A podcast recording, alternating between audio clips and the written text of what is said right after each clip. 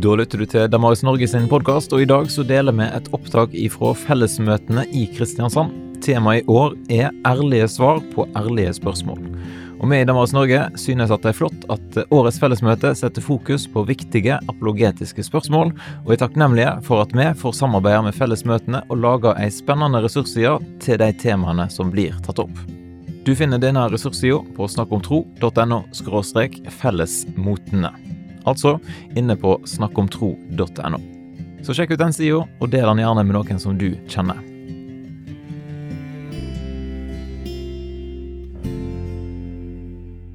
Hei, dere.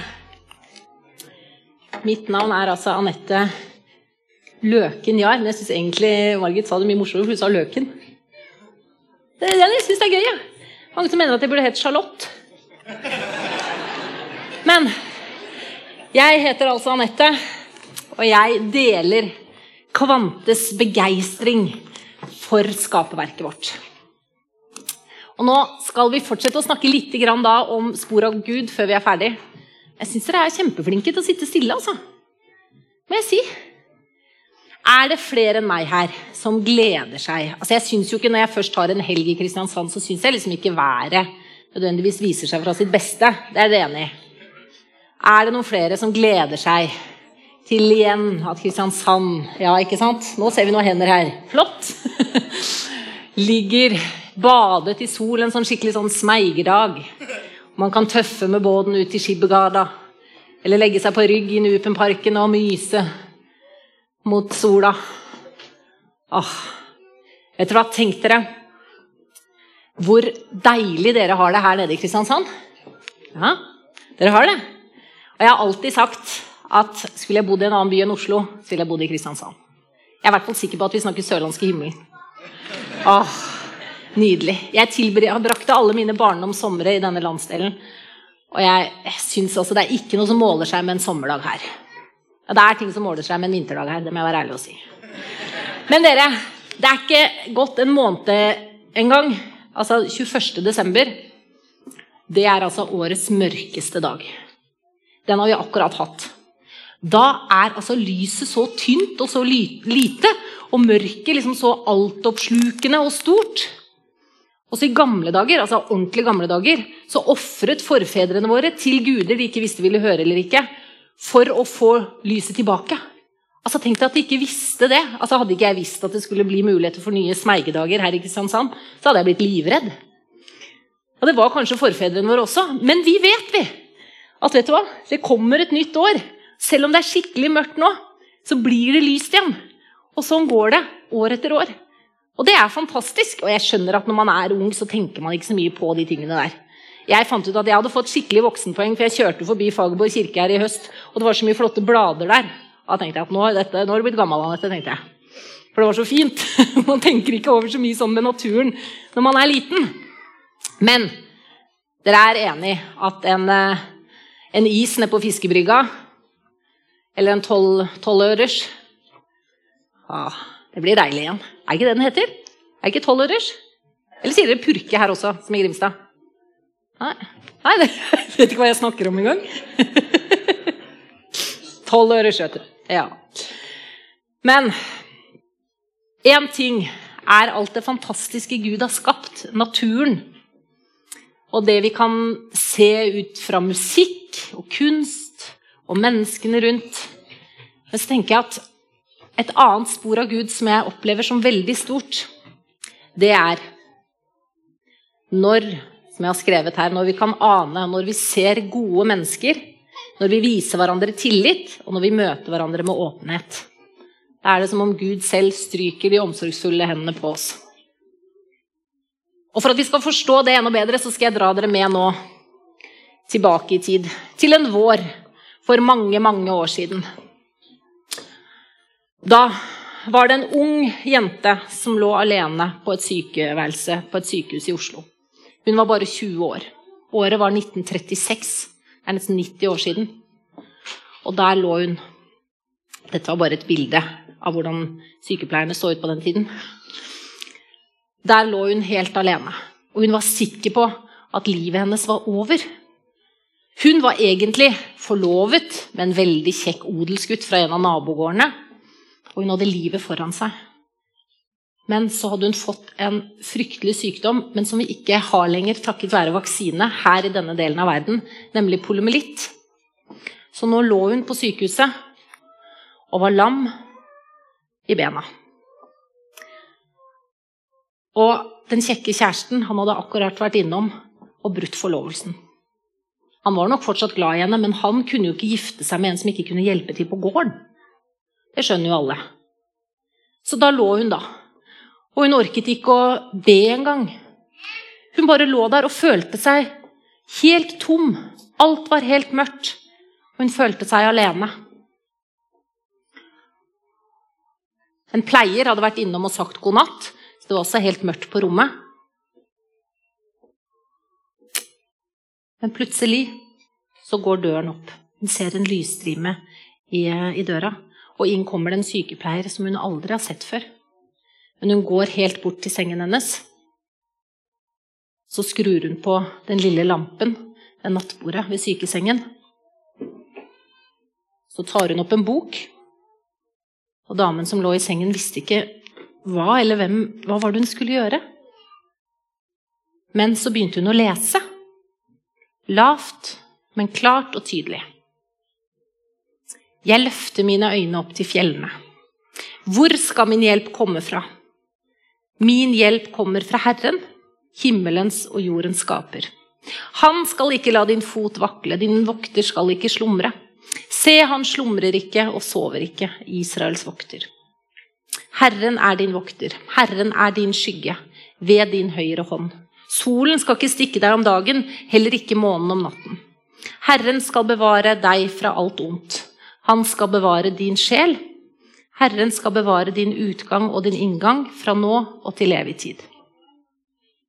Så lukket den ukjente sykepleieren igjen Bibelen, skrudde av lyset på lampen, og så gikk hun ut. Og tilbake lå den unge damen. Men nå var det gledestårer som rant nedover på kinnet hennes. Fordi Gud hadde vært der og lagt igjen et spor av seg gjennom sykepleieren som var der. Hun hadde sett et spor av Gud. Og jeg har mange ganger tenkt på den sykepleieren som mest sannsynlig kanskje var på vei hjem fra jobb. Og som syklet av gårde hjem. Og så kanskje plutselig fikk hun en tanke, eller det var en stemme inni henne som sa, eller en innskytelse av at vet du hva, du skal snu. Og så skal du gå inn på sykerom 37, og så skal du lese Salme 121 for den ensomme damen som ligger der. Tenk deg for en mot og for en villighet som hun viste. For det gjorde hun faktisk. Og damen som lå i sykesengen, fikk aldri takket sykepleieren, for hun så henne ikke igjen. Men det øyeblikket der ble en endring i livet til hun som lå i sykesengen. Og Grunnen til at jeg kan fortelle dette, er fordi at denne historien tilhører min grandtante. Min nærmeste nabo da jeg vokste opp, som selvfølgelig alltid var hjemme, for hun satt i rullestol og hadde ikke noen annen familie enn oss. Så hun ble min bestemor.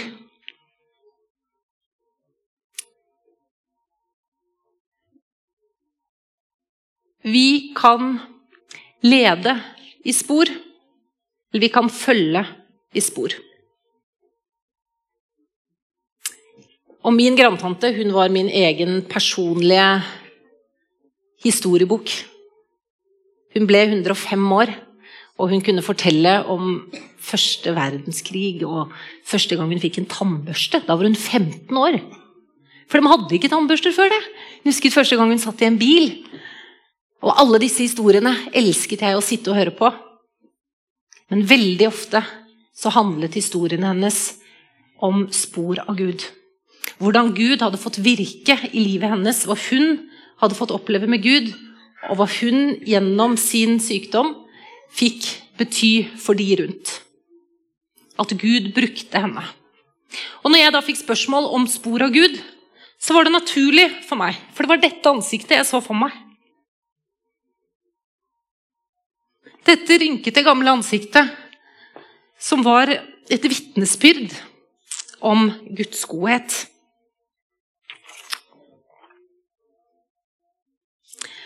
Neste gang du blir spurt om å gjøre en oppgave i kirken, eller gjøre noe hyggelig for vennene dine, eller at du får en sånn innskytelse om et eller annet du skal gjøre, så vil jeg utfordre deg til å gjøre det. Fordi én ting er spor av Gud som er tydelig i naturen, men enda sterkere og flottere er det når Gud kan bruke oss til å sette sine spor. Og jeg tenker på dere som familier her i dag også. Så sterke dere kan stå sammen. Hvor mye dere kan gjøre. Og her er det samlet også forskjellige kirker. Jeg syns det er så fint med fellesmøtene i uken. Alle representerer vi forskjellige perspektiver på Gud. Og ingen av oss har det hele og fulle bildet av Gud. Men forskjellige spor av Gud er plantet i forskjellige menigheter. Så må vi hjelpe hverandre så vi ser enda tydeligere hvem Gud er. Det blir litt sånn bilder og sånn her i dag, som er litt vanskelig. Men jeg ser at dere følger med. Det er bra, barn. Alle er vi viktige for Gud, og for at Gud skal få sette spor.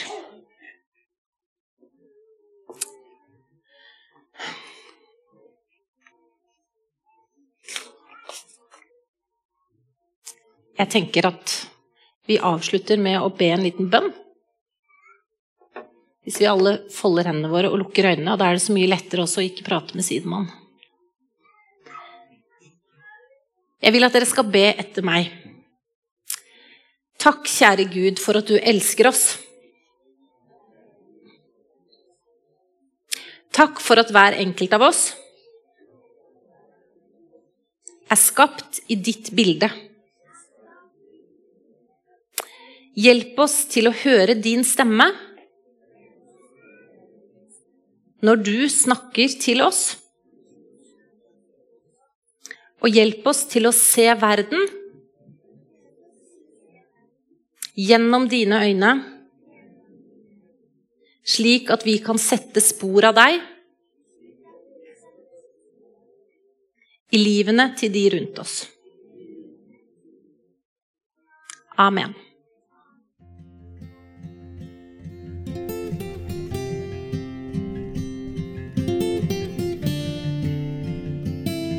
Takk for at du lytta til denne episoden her på Damaris Norge sin podkast. Ønsker du å jobbe mer med spørsmålene som blir tatt opp på fellesmøtene, ja, da kan du sjekke ut snakkomtro.no fellesmotene. Der finner du mange ressurser til hvert enkelt tema i ulike format, som podkast, bøker, videoer og artikler. Her kan du få repetert noe av det du har hørt, eller du kan dykke enda dypere ned i disse spørsmålene. Og forresten, helt til slutt, kjenner du noen som burde ha hørt denne talen her? Da har jeg lyst til å oppfordre deg til å ta kontakt med dem og del denne episoden med deg.